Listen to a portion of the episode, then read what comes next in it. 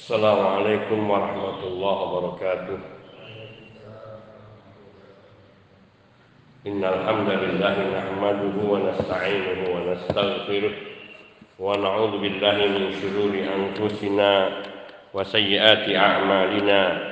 من يهده الله فلا مضل له ومن يضلل فلا هادي له. وأشهد أن لا إله إلا الله وحده لا شريك له. وأشهد أن محمدا عبده ورسوله صلوات الله وسلامه عليه وعلى آل بيته وأصحابه والتابعين ومن تبعهم بإحسان إلى يوم الدين. أما بعد إخواني في الدين عزني الله وإياكم جميعا ورحمني ورحمكم. Masih di bab al-iman bil rusul. Iman kepada para rasul. Namun pembahasannya yaitu hikmah ataupun keistimewaan pada diri Nabi Shallallahu Alaihi Wasallam yang tidak Allah berikan kepada para rasul sebelum beliau yaitu dijadikannya risalah Nabi sebagai risalah penutup atau Nabi terakhir. Yaitu risalah Nabi Shallallahu Alaihi Wasallam sebagai risalah penutup ini ada hikmah tersendiri dan ada keutamaan tersendiri pada ditutupnya risalah Nabi Shallallahu Alaihi Wasallam.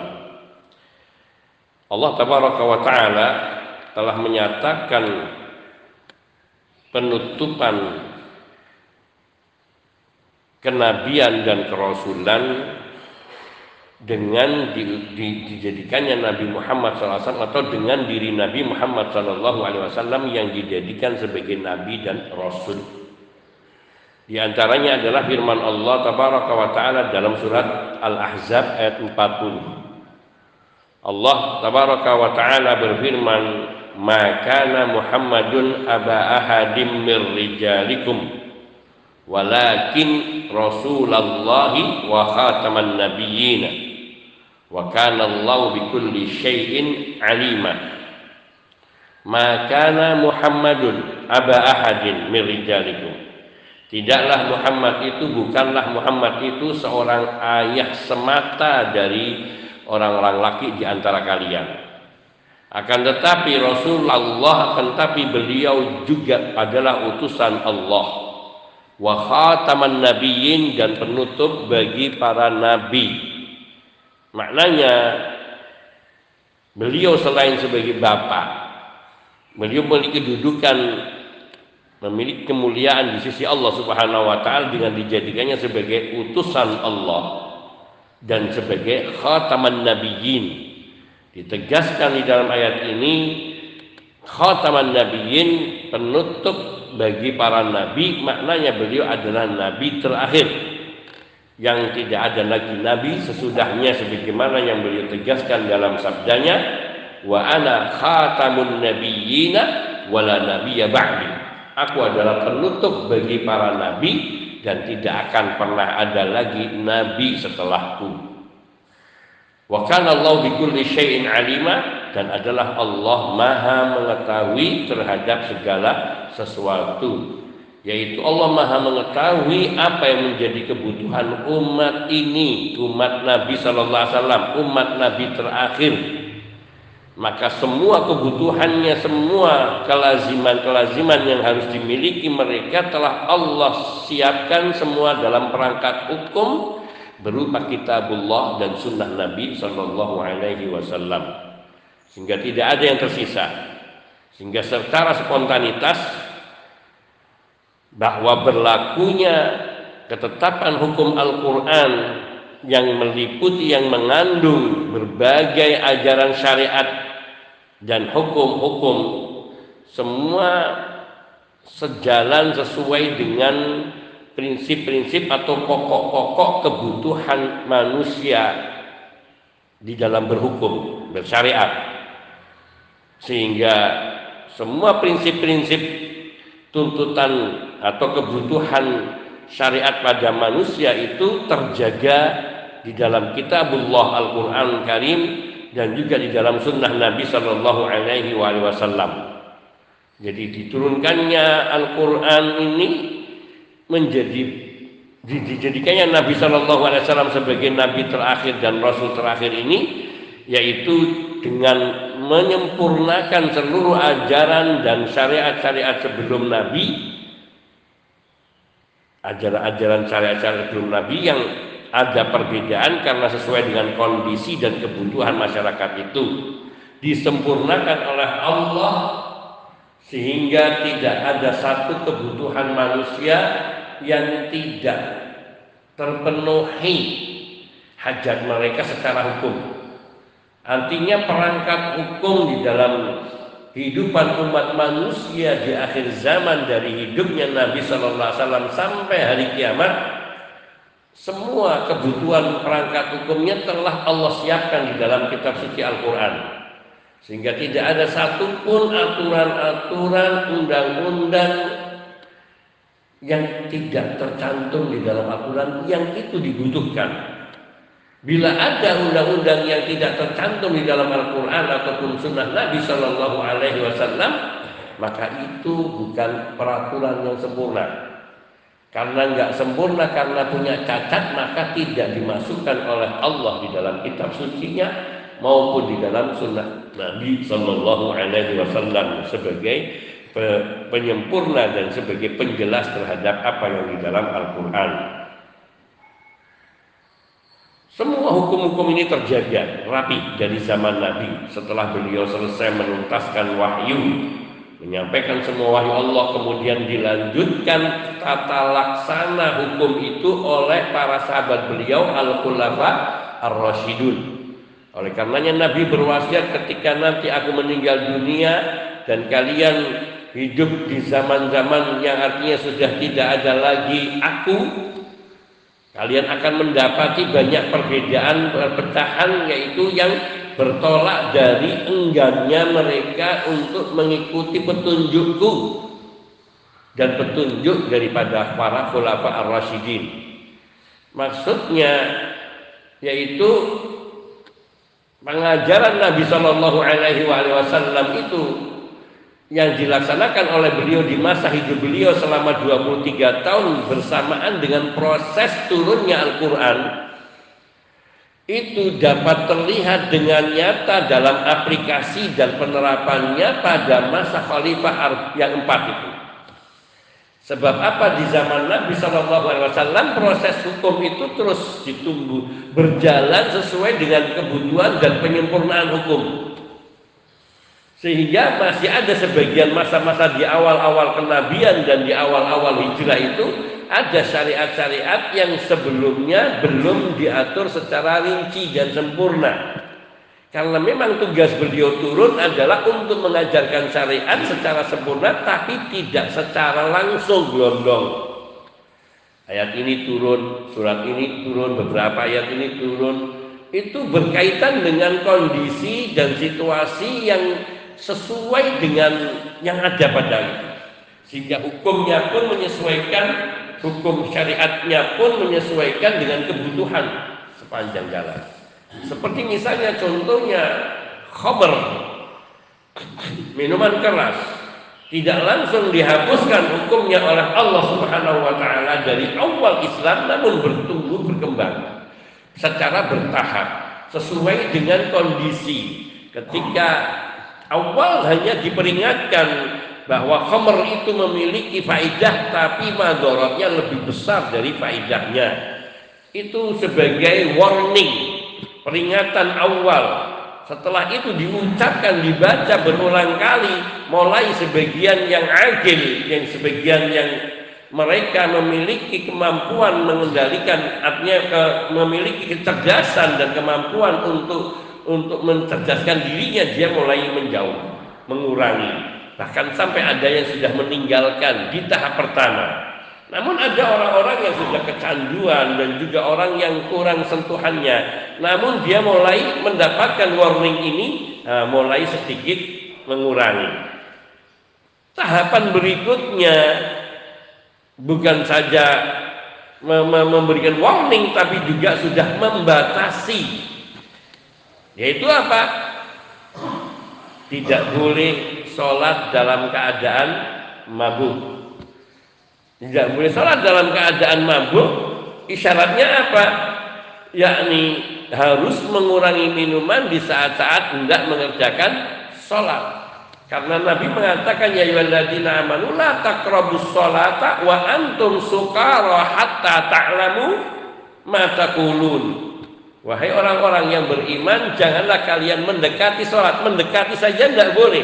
Artinya ketika sudah masuk waktu sholat dan kalian sholat, tidak ada yang dibolehkan dalam keadaan masih mabuk. Janganlah kalian mendekati sholat dalam keadaan kalian mabuk. Wa antum sukara. Hatta ta'lamu ma taqulun sehingga kalian benar-benar mengerti, benar-benar faham terhadap apa yang kalian ucapkan di saat sholat. Ini artinya kondisi sadar sepenuhnya bisa memahami apa yang dibaca di dalam sholat. Sehingga ia membaca hafalan surat yang harus dibaca pun dengan dengan runut, dengan benar. Dalam kondisi normal. Ini menuntut seseorang untuk menjauhkan padahal sholat hampir bersambung antara zuhur sampai dengan isya jarak waktunya berdekatan. Orang kadang tidak cukup habis mabuk satu jam sudah sadar. Kadang mungkin dua jam kadang mungkin tiga jam sehingga mulailah mereka mengurangi masa mabuknya. Yaitu sekitar mungkin malam pun mereka nggak berani minum banyak karena takut besoknya subuhnya kebablas kelewatan. Sehingga akhirnya dia minum paling di waktu duha setelah duha sampai sebelum duhur dia sudah sadar. Mulai berkurang sehingga hanya ada satu waktu. Sampai akhirnya mereka sudah ada yang meninggalkan minuman khamr ini. Ketika melihat madorotnya dan melihat isyarat-isyarat larangan yang ada di dalam syariat baru kemudian Allah turunkan wajtanibu innamal khamru wal maisir wal azlam wal ansabu rijsum min amali syaitan fajtanibu.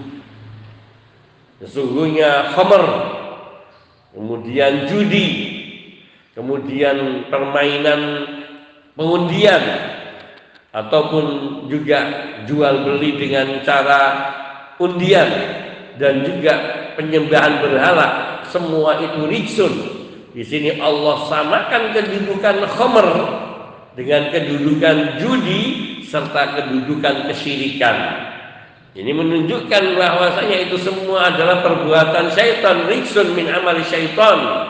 Sesuatu yang najis, kotor, menjijikkan dan itu semua adalah kesenangan dan hobi daripada syaitan. Fajtanibu maka jauhilah semua itu. Kata-kata ibu menjadi sebuah ketetapan hukum yakni yang melarang semua yang disebutkan di dalam perkara tersebut.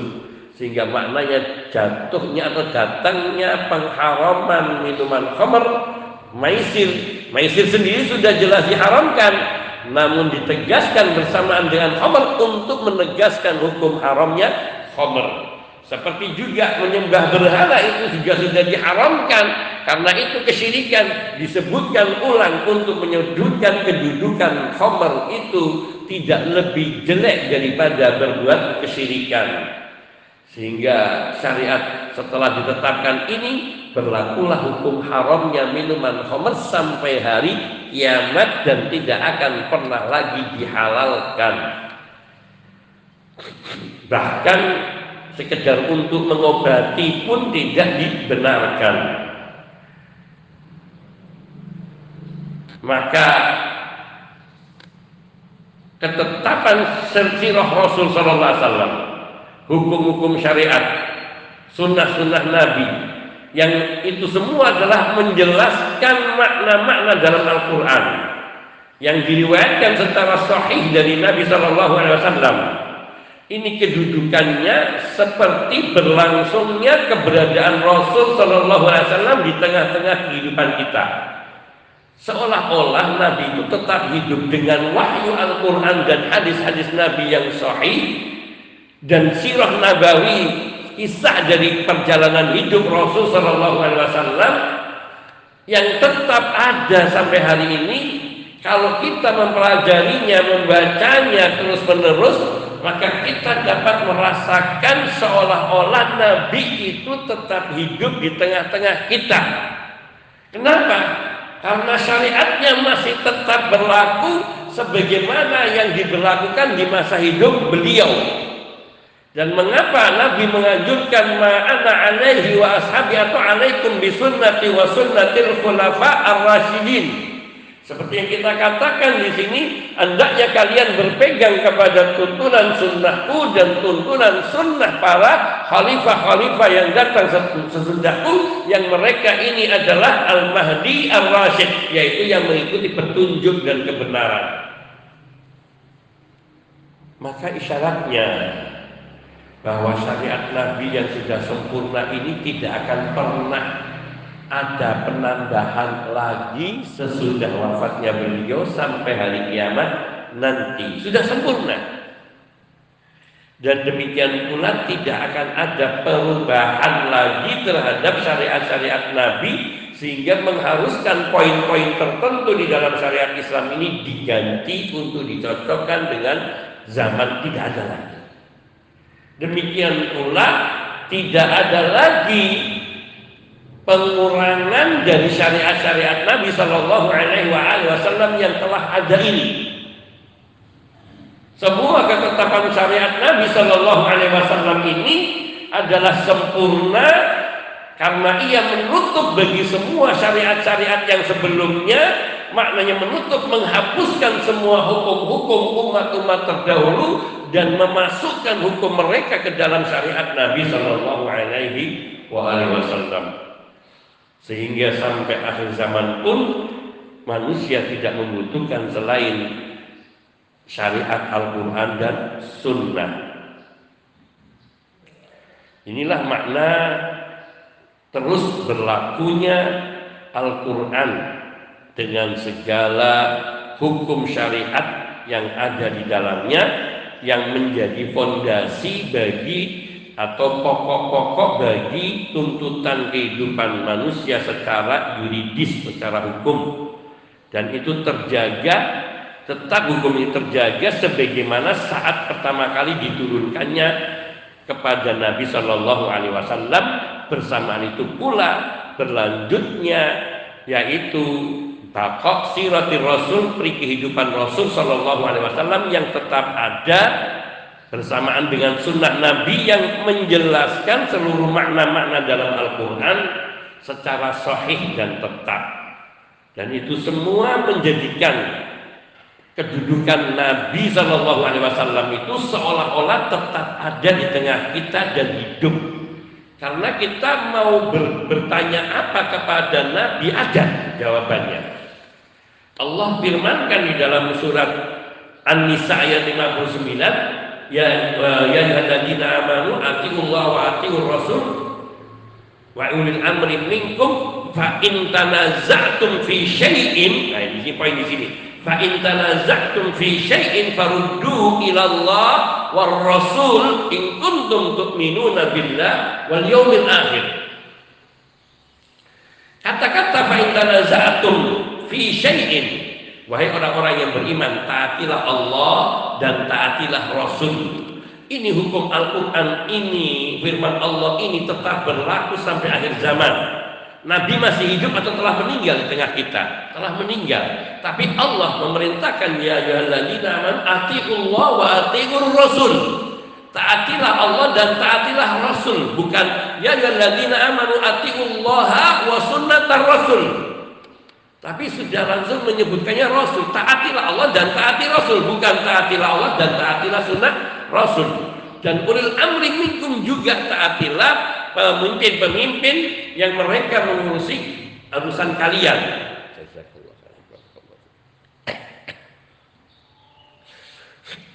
Ini mengisyaratkan satu hal bahwa Allah menempatkan Nabi Shallallahu Alaihi Wasallam secara hukum, secara kerasulan beliau tetap hidup.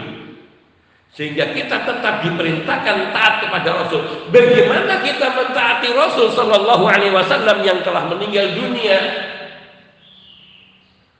Melalui ajarannya, syariatnya. Makanya Allah mengatakan apa? Fa in tanaza'tum fi syai'in apabila kalian mempermasalahkan, mempertikaikan suatu perkara. Dalam hidup ini kita nggak akan luput dari berbagai macam perkara yang sudah pernah ada maupun perkara-perkara baru yang belum pernah ada di zaman Nabi. Maka sebagaimana di masa hidup Nabi para sahabat kalau mendapati persoalan mereka disuruh kembalinya kepada Allah yaitu kepada kitab suci Al-Qur'an yang saat itu sudah turun meskipun belum sempurna. Dan bila ada pertanyaan-pertanyaan persoalan-persoalan yang mereka belum ketahui di dalam Al-Quran, mereka datang kepada Nabi dan menanyakan kepada Nabi Shallallahu Alaihi Wasallam tentang hukum-hukum itu. Kemudian Nabi menjabarkan yang sesungguhnya telah ada dalam Al-Quran atau menyampaikan ayat yang turun berkenaan dengan apa yang ditanyakan oleh para sahabat. Kemudian beliau jelaskan. bertanya kepada Rasulullah Shallallahu Alaihi Wasallam secara langsung dan hukum ini tidak berhenti. Hukum ini tidak berhenti sampai di zaman hidupnya Nabi saja. Ayat ini tetap berlaku meskipun Nabi Shallallahu Alaihi Wasallam telah wafat. Lalu bagaimana kita kembali kepada al kepada hadis Nabi kepada Nabi kepada Rasulullah Allah Rasulullah yang sudah meninggal padahal Allah perintahkan kalau kamu mempertikaikan suatu perkara kembalikan perkara itu kepada Allah dan kepada Rasul. Mana Rasul Shallallahu Alaihi Wasallam? Iya beliau tetap ada tetap eksis hukumnya, syariatnya. Kenapa? Karena semua perangkat hukum syariat ini telah diberikan oleh Allah yang ia dapat memenuhi kebutuhan manusia secara hukum, secara aturan sampai hari kiamat nanti.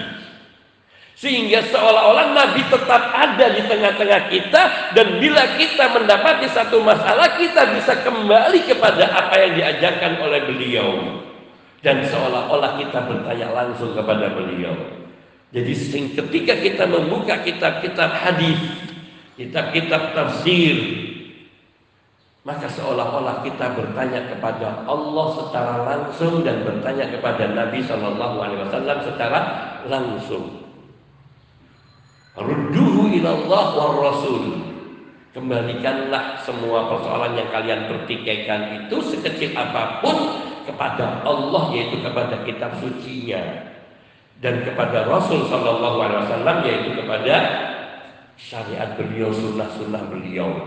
Diberi penegasan oleh Allah di akhir ayat ini in kuntum tu'minuna billahi wal yaumil akhir. Kalau kamu benar-benar mengaku orang yang percaya adanya Allah dan adanya hari akhir. Maka ini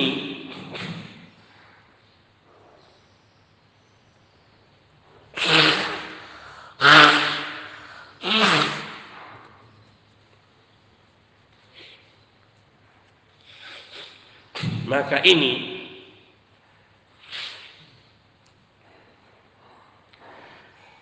Menjadi pijakan bahwa Nabi Shallallahu Alaihi Wasallam meskipun beliau telah wafat namun ajarannya sudah sempurna. Semua persoalan yang bakal terjadi di kehidupan ini sampai hari kiamat ada perangkat hukumnya dalam Al-Quran dan Sunnah kalau semua perangkat hukum ini sudah bisa menjawab semua persoalan kehidupan manusia, ini menunjukkan bahwa ajaran ini sempurna dan tidak membutuhkan penambahan pun walau satu hukum. Bagaimana dengan persoalan-persoalan yang belum pernah ada di zaman Nabi seperti persoalan-persoalan yaitu masalah donor darah, transplantasi ginjal atau jantung atau kornea mata atau segalanya. Ada perangkat hukumnya. Pokok-pokok prinsip-prinsip hukum yang ia membimbing kita untuk bisa mengeluarkan hukum-hukum yang terjadi sesudahnya. Tapi ini di luar perkara akidah dan ibadah.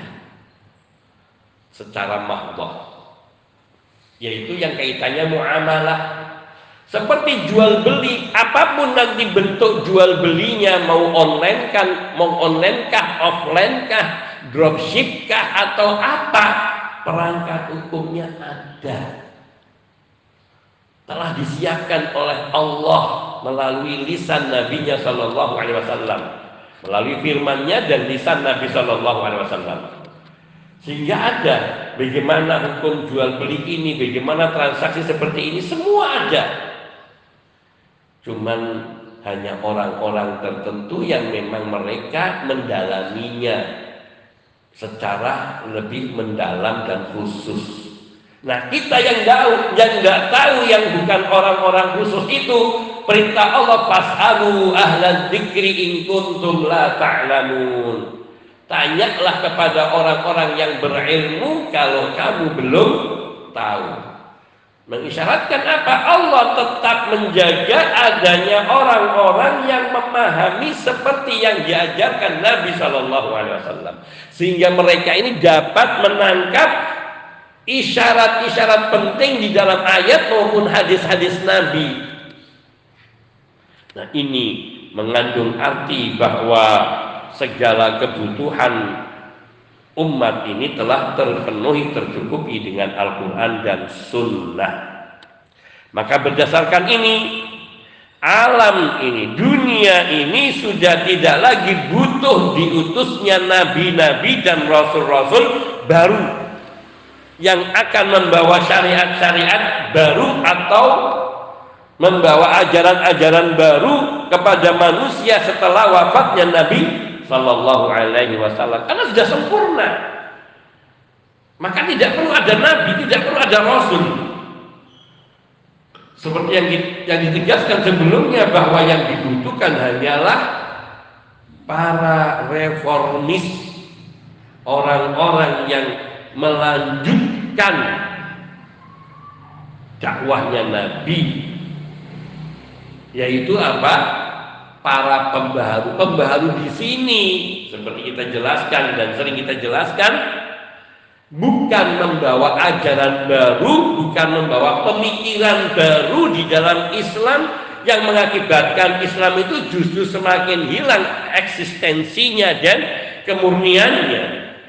Namun makna reformasi di dalam Islam tajdid di dalam Islam yaitu mengembalikan ajaran-ajaran Islam yang telah diabaikan dan ditinggalkan umat kepada semula. Ajaran seperti yang ditetapkan oleh Nabi Shallallahu Alaihi Wasallam.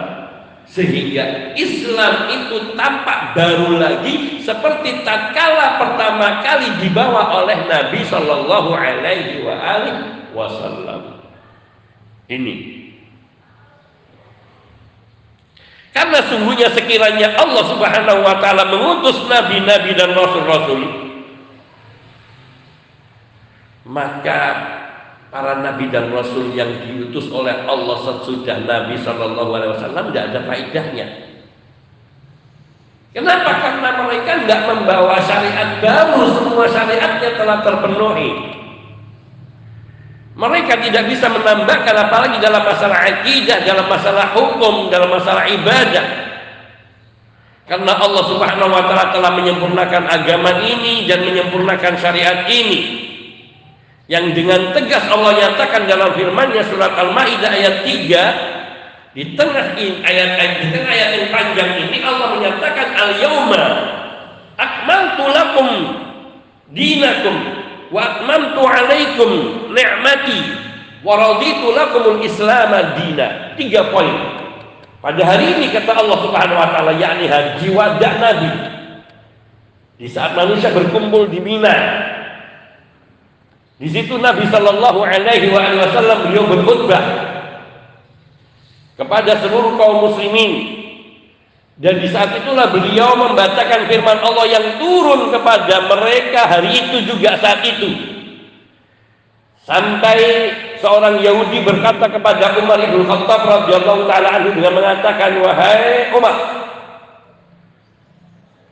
seandainya kalian ini memiliki satu hari yang sangat istimewa yaitu turunnya ayat itu. Al-yawma akmaltu lakum dinakum wa atmamtu alaikum nikmati wa raditu lakum Sekiranya itu terjadi pada kami tentu kami akan merayakan dan memperingati hari itu. Maka Umar mengatakan sungguh aku masih ingat di mana dan kapan dan pada waktu apa Nabi menyampaikan ayat ini. Turunnya ayat ini ini bukan berkenan kemudian kita harus ngadain peringatan turunnya ayat ini bukan.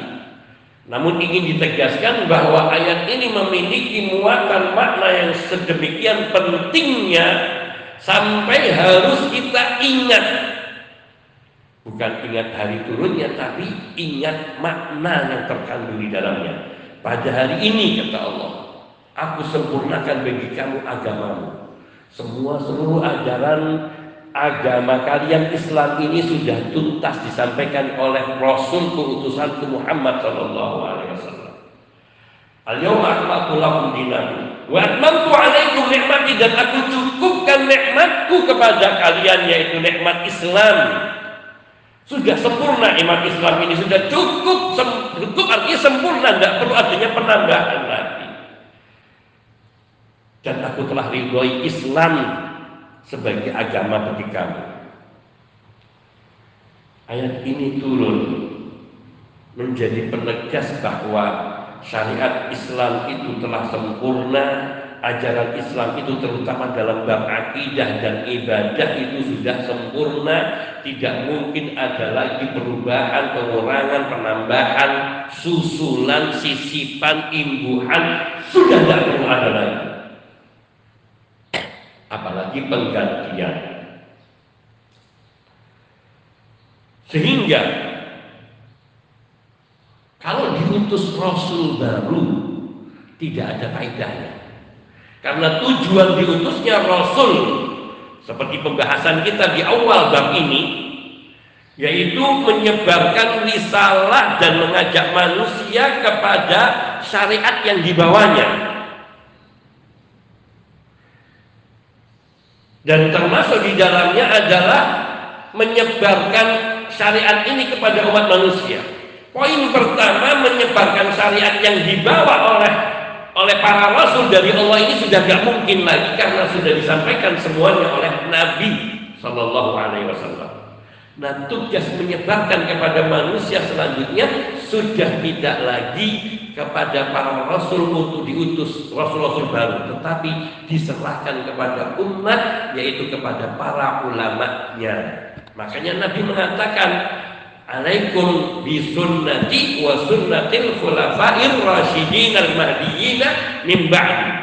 Hendaknya kalian megangi sunnahku dan sunnah para khalifah-khalifahku yang menggantikan yang mereka orang-orang yang rasyid mengikuti kebenaran dan mereka adalah orang-orang yang mahdi yang berada di atas kebenaran atau mengikuti petunjuk dan mendapatkan petunjuk dari Allah. Atau Nabi mengatakan golongan yang selamat mereka yang ma'ana alaihi wa ashabi yaitu golongan orang-orang yang dia berjalan di atas kebenaran di atas jalanku dan di atas jalan para sahabatku Isyarat para sahabat ini adalah mereka yang memegang apa namanya tali estafeta yang memegang tugas yang mengemban amanah Nabi untuk menyampaikan apa yang telah disampaikan Nabi kepada mereka untuk disampaikan kepada umat-umat yang tidak pernah bertemu dengan Nabi sampai hari kiamat. Oleh karenanya Nabi Shallallahu Alaihi Wasallam mengatakan la tazalu ta'ifatun min ummati zahirina alal haqqi la yadurruhum man khadalahum wala man khalafahum. Wa hum ala dhalik. Hatta ya'tiya amrullah. Akan senantiasa ada segolongan umat ku yaitu umat Nabi yang tetap berada di atas kebenaran yang senantiasa mengikuti kebenaran, memegangi kebenaran, dohirina al dan tidak akan ada orang-orang yang dapat membahayakan mereka, mencelakai mereka Orang-orang yang menelantarkan mereka yang tidak mendukung mereka, yang tidak memperdulikan mereka dan tidak pula orang-orang yang menyelisih mereka tidak akan membahayakan mereka. Meskipun mereka kelompok kecil sedikit dan mereka akan tetap dalam kondisi seperti itu sampai menjelang hari kiamat. Artinya akan tetap ada kelompok seperti ini sampai menjelang hari kiamat. Ketika Imam Ahmad rahimahullah taala ditanya, "Ya Abu Abdullah, wahai Abu Abdullah panggilan Imam Ahmad. Siapakah golongan itu yang disebut oleh Nabi yang dia selalu mengikuti kebenaran sampai hari kiamat itu?" Kata beliau, kalau bukan ahlul hadis, maka saya tidak tahu lagi selain mereka. Yang dimaksudkan oleh beliau ahlul hadis yaitu orang-orang seperti terangkan oleh sebagian ulama yaitu orang-orang yang memegangi hadis Nabi. Dari mulai para pakarnya, tokoh-tokoh ilmu hadisnya yang mempelajari perangkat-perangkat hadis dari mulai mana yang sahih, mana yang dhaif, mana yang hasan dan seterusnya. Sampai mereka yang hanya mengamalkan hadis. Seperti kita baca ada hadis sahih dalam Sahih Bukhari kita pahami, kita hayati, kemudian kita amalkan. Maka orang-orang yang mengikuti ajaran Nabi, mereka yang menjaga hadis-hadis Nabi Shallallahu Alaihi Wasallam, mereka itu yang dikatakan dohirina alal hak selalu berada di atas kebenaran. Dan mereka ini akan terus ada sampai menjelang hari kiamat. Menjelang hari kiamat itu tidak hanya ketika sehari dua hari, bisa jadi yaitu menjelang hari kiamat ketika mulai semua tanda-tanda kiamat besar sudah datang kecuali yaitu belum terbitnya matahari dari arah barat atau muncul yang binatang. Nah pada saat itu baru nanti ada terjadi perubahan, pergolakan, penurunan sampai pada titik nun sehingga tidak ada lagi manusia yang menyebut nama Allah di muka bumi. Di saat seperti itulah kiamat itu akan datang. Karena Nabi Shallallahu Alaihi Wasallam bersabda, "La taqumus sa'atu hatta la yuqala ala wajhil ardi Allah, Allah, Allah." Tidak terjadi kiamat sehingga tidak lagi di muka bumi ini ada orang yang menyebut Allah, Allah, Allah.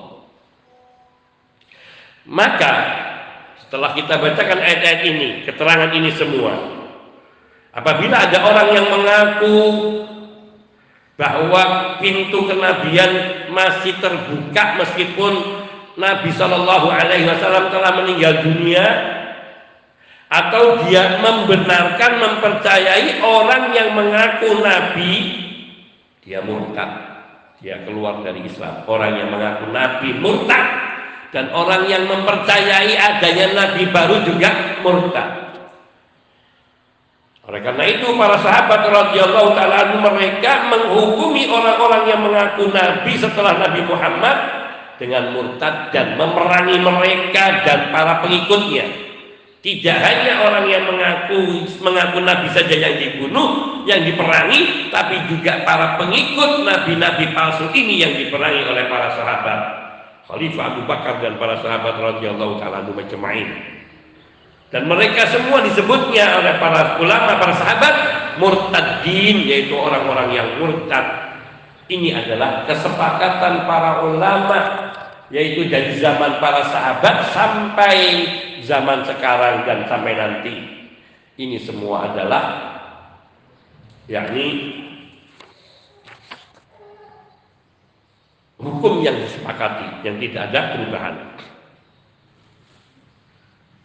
Sampai di sini. Maka kita tahu keistimewaan Rasulullah Shallallahu Alaihi Wasallam sebagai nabi terakhir. Dan risalah beliau adalah risalah terakhir Sebagaimana juga kita tegaskan bahwa datangnya turunnya Nabi Isa alaihissalam di akhir zaman nanti bukan membawa syariat baru,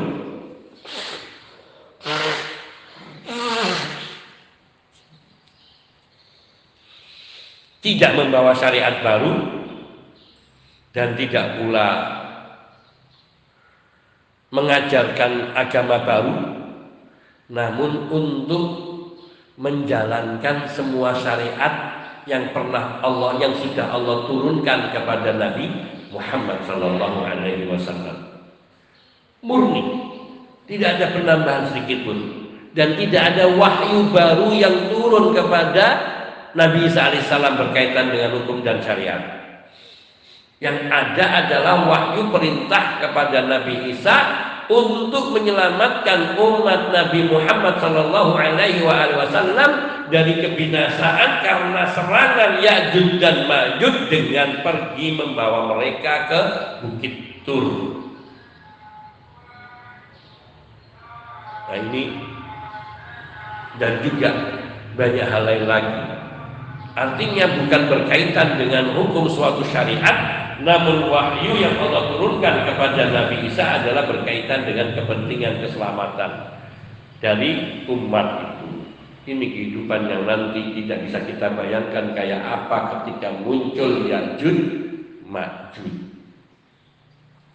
Sekarang kita menyebutkan beberapa hikmah ditutupnya pintu kenabian melalui diri Nabi kita Shallallahu Alaihi Wasallam. Kenabian Nabi kita Muhammad Shallallahu Alaihi Wasallam sebagai penutup bagi pintu kenabian yang sesudahnya. Karena Nabi Shallallahu Alaihi Wasallam diutus kepada semua umat manusia sampai hari kiamat. Sedangkan para nabi terdahulu hanya diutus untuk umatnya dan masa tertentu. Allah tabaraka wa taala berfirman di dalam surat As, surat Saba ayat 28 Wa ma arsalnaka illa kafatan linnasi basyiran wa nadhira Wa ma arsalnaka tidaklah kami mengutusmu wahai Rasul Muhammad sallallahu alaihi wasallam illa kafatan linnasi. Melainkan kepada seluruh umat manusia. Kafatan linnas seluruh manusia. Tidak terkecuali. Basyirah wa nadhira. Untuk memberi kabar gembira dan membawa peringatan kepada umat. Basyiran sebagai pembawa berita gembira, nadiran sebagai pembawa peringatan dari Allah membawa berita gembira surga dan ampunan Allah serta ridhonya bagi mereka yang beriman. Itu janji berita gembiranya. Siapa-siapa yang beriman kepada Allah dan Rasul Sallallahu Alaihi Wasallam yang diutus kepada umat manusia ini, yang mengajarkan syariat Allah ini, siapa yang beriman dan melaksanakannya mengikutinya, maka baginya surga, ampunan dari Allah, kebahagiaan dunia dan akhirat, dan semua berita gembira yang Allah sampaikan di dalam kitab suci melalui lisan beliau wanadiro dan juga barang siapa yang ia melanggar ketetapan syariat Allah barang siapa yang dia durhaka kepada Allah barang siapa barang siapa yang ia melang, me, me, bertentangan dengan apa yang digendaki oleh Allah dengan kitabnya maupun sunnah nabinya maka diancam dengan kesengsaraan di dunia dengan penderitaan di akhirat nanti tersesat di dunia dan menderita di akhirat nanti. Allahu Akbar basyiran wa nadhira. Tapi poin di ayat ini yaitu menegaskan bahwa Nabi Shallallahu Alaihi Wasallam diutus oleh Allah kepada seluruh umat manusia. Di surat Al-Anbiya ayat 107 Allah Tabaraka wa taala juga berfirman wa ma arsalnaka illa rahmatan lil alamin. Tidaklah kami mengutusmu wahai Muhammad sallallahu alaihi wasallam melainkan sebagai pembawa rahmat, melainkan sebagai bentuk kasih sayang Allah lil alamin. Untuk sekalian alam mengisyaratkan sekalian alam di sini manusia dan jin. Yang mengisyaratkan bahwa Nabi juga diutus kepada bangsa jin yang mereka semua alam yang mengisyaratkan tidak hanya mereka yang hidup di masa Nabi, di negeri Nabi, namun untuk semua alam semesta ini sampai menjelang sampai kiamat nanti. Kemudian di dalam surat Al-Furqan ayat 1 juga Allah tabaraka wa taala berfirman tabarakalladzi nazzalal furqana ala abdihi liyakuna lil alamina Maha suci Allah yang telah menurunkan kitab suci Al-Furqan Al-Quran yang memberikan ketetapan pembeda antara yang hak dan batin. Al-Furqan. Ala abdi kepada hambanya yaitu hamba yang menghambakan dirinya dengan sempurna yaitu Rasul kita Nabi kita Muhammad sallallahu alaihi wasallam. Liyakuna lil alamin agar Hambaku ini ia memberikan peringatan kepada sekalian alam. Termasuk memberikan peringatan dan juga menyampaikan berita gembira. Kalau kata nadiran disebut sendiri di dalamnya peringatan tentang janji-janji kebaikan dan juga ancaman dari keburukan. Di surat Al-A'raf ayat 158 Allah juga berfirman, Qul ya ayyuhan nasu inni rasulullah ilaikum jami'a Wahai katakanlah wahai Rasul sallallahu alaihi wasallam katakan kepada umatmu apa yang harus aku katakan ya Rabb? Ya ayyuhan nas katakan wahai manusia semuanya ini Rasulullah ilaikum jami'a aku diutus oleh Allah kepada kalian semua Kalian semua tidak hanya mereka hadir di majelisnya Nabi di saat Nabi berbicara, namun makna aku diutus oleh Allah, aku Rasul Allah kepada kalian semua, yaitu seluruh layak manusia yang hidup di zaman beliau sampai hari kiamat nanti. Maka kalau risalah Nabi itu meliputi seluruh umat manusia dari semua generasi umat manusia yang hidup setelah beliau, maka tentulah syariatnya harus syariat yang sempurna. Syariat yang bisa menjawab setiap peristiwa. Syariat yang memberikan jawaban setiap persoalan dan memenuhi kebutuhan-kebutuhan hukum bagi manusia. Karena manusia memiliki kebutuhan kemaslahatan-kemaslahatan manusia itu terpenuhi semua sehingga dengan demikian tidak perlu lagi adanya seorang nabi. Karena sudah syariatnya sudah ada, jalan terus. Sebagaimana Allah firmankan di atas yaitu surat Al-Maidah ayat 3 yang kita bacakan, Al-yawma akmaltu lakum dinakum wa atmamtu alaikum ni'amati wa raditu lakum Islam madina. Juga firman Allah surat An-Nahl ayat 89, "Wa nazzalna 'alaikal kitaba tibyanan likulli syai'in wa hudan wa rahmatan wa busyra lil muslimin." Dan sungguh kami turunkan kepadamu Al-Quran ini sebagai penjelas sebagai keterangan atau untuk menerangkan segala sesuatu dan untuk dijadikan sebagai petunjuk dan sebagai bentuk kasih sayang dari Allah dan sebagai berita gembira bagi kaum muslimin. Lihat fungsi Al-Qur'an yang diturunkan Allah kepada nabi. Meskipun yang disebutkan di sini Al-Qur'an, namun kepada siapa Al-Qur'an diturunkan itu yang menjadi poin Rasulullah sallallahu alaihi wasallam. Wa 'alaikal kitab. Kami turunkan kitab suci Al-Qur'an ini kepadamu alaika kepadamu. Tibyanan isi Al-Qur'an ini menjelaskan menerangkan likulli syai'in terhadap segala sesuatu. Tibyanan likulli syai' ini Al-Quran ini fungsinya satu menjelaskan segala sesuatu. Wahudan sebagai petunjuk bagi umat manusia. Maka siapa yang ingin jalannya selamat ingin sampai tujuan dengan cepat dan selamat maka harus memegangi Al-Quran. Memegang Al-Quran bukan sebagian ayatnya namun seluruh Warahmatan yang keempat sebagai kasih sayang rahmat Allah. Maka siapa yang ingin dirahmati Allah, maka ia harus mempelajari Al-Quran dan melaksanakannya, maka dia akan dirahmati oleh Allah.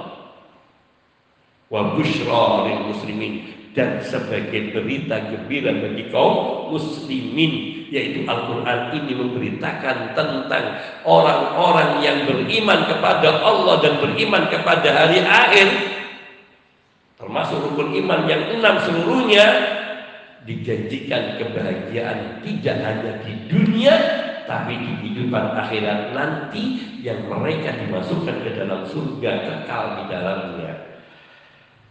Maka sungguh ini sesuatu kenikmatan.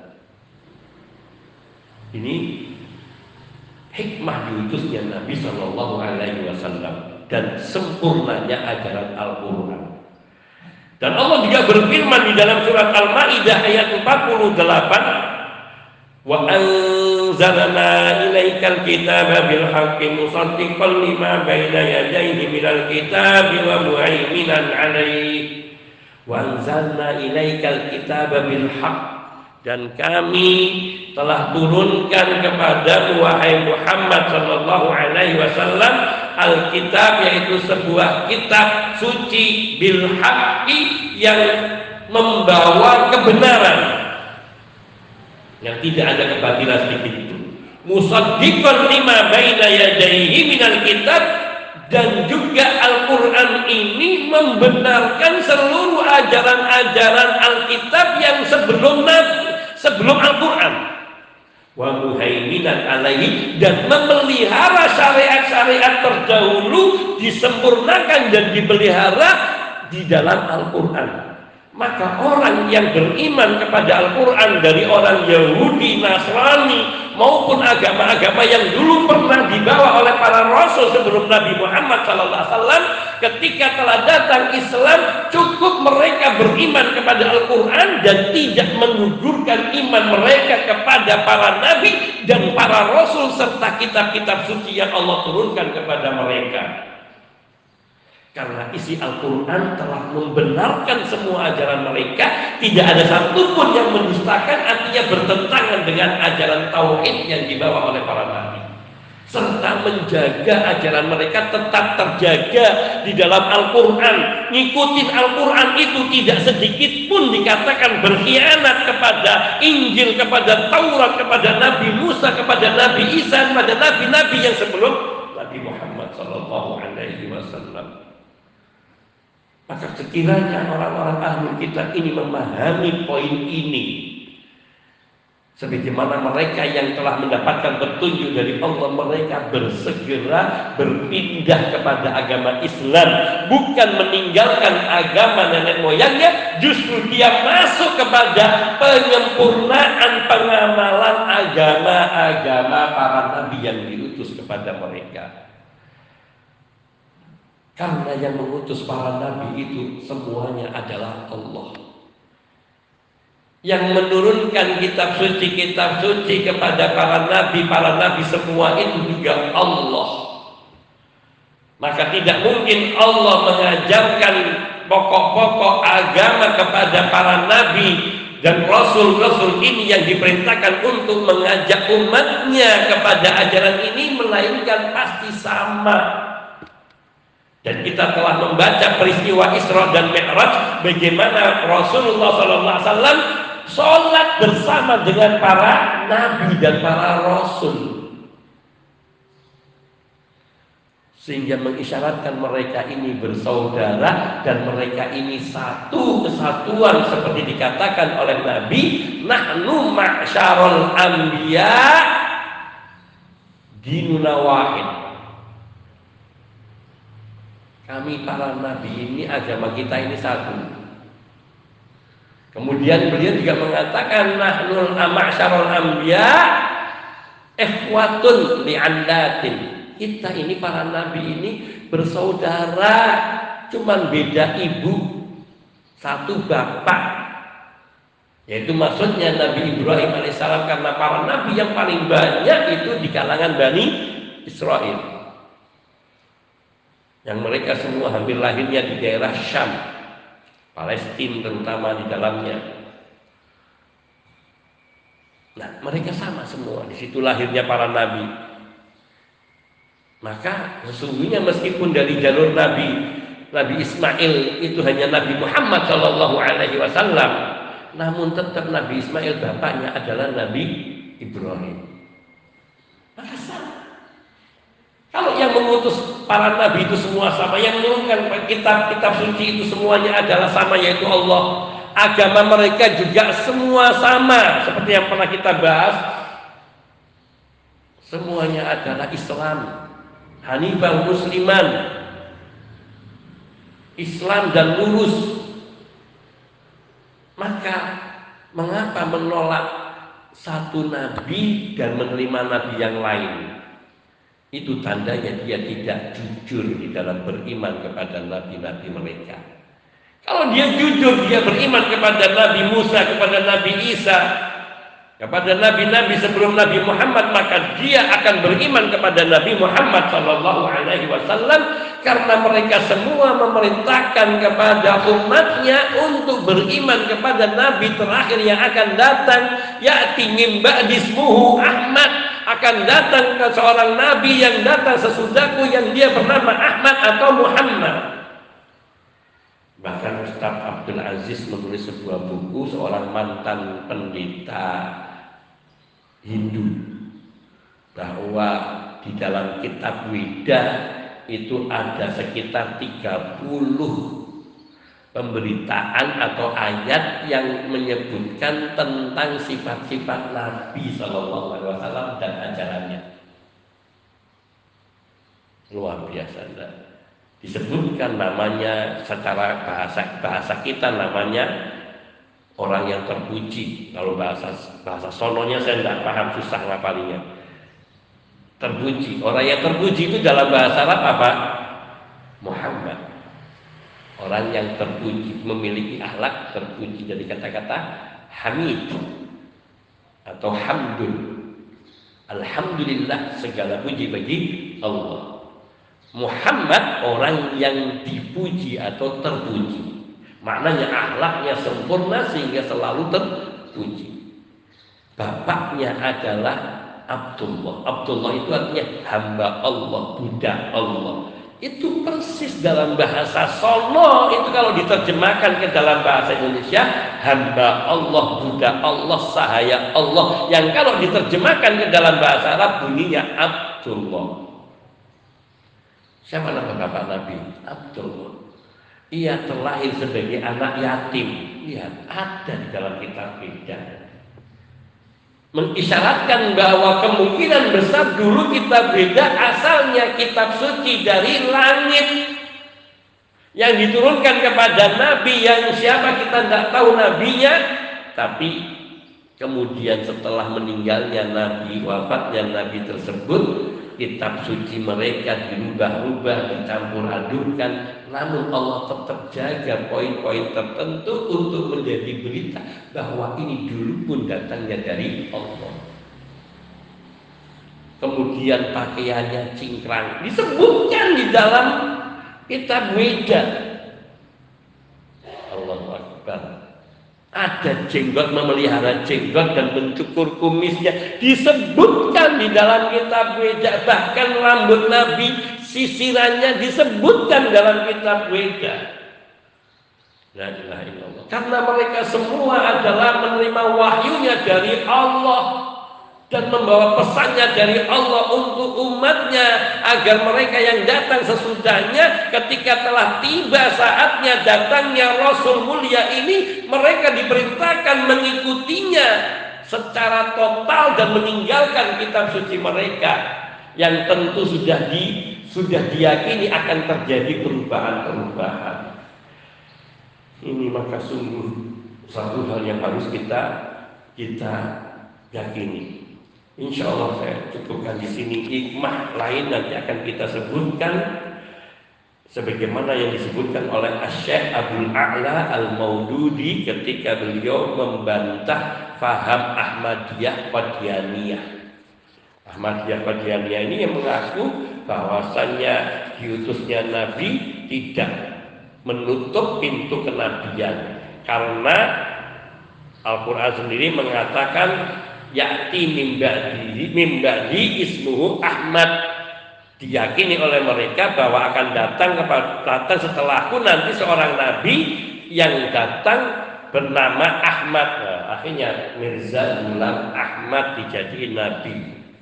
Ini kalau setiap orang namanya Ahmad jadi nabi berapa juta berapa miliar Ahmad di dunia ini? Berapa juta Ahmad di dunia ini akan jadi nabi? Nah ini dibantah. Insya Allah ada empat poin yang kita nanti akan akan bahas. Atau seringkasnya nanti aja biar biar biar mantap. Monggo sekarang kalau ada pertanyaan. Allah sallallahu alaihi wa sallam Muhammadin wa alihi wa sahbihi ajmain. Walhamdulillahi rabbil alamin. Barangkali ada pertanyaan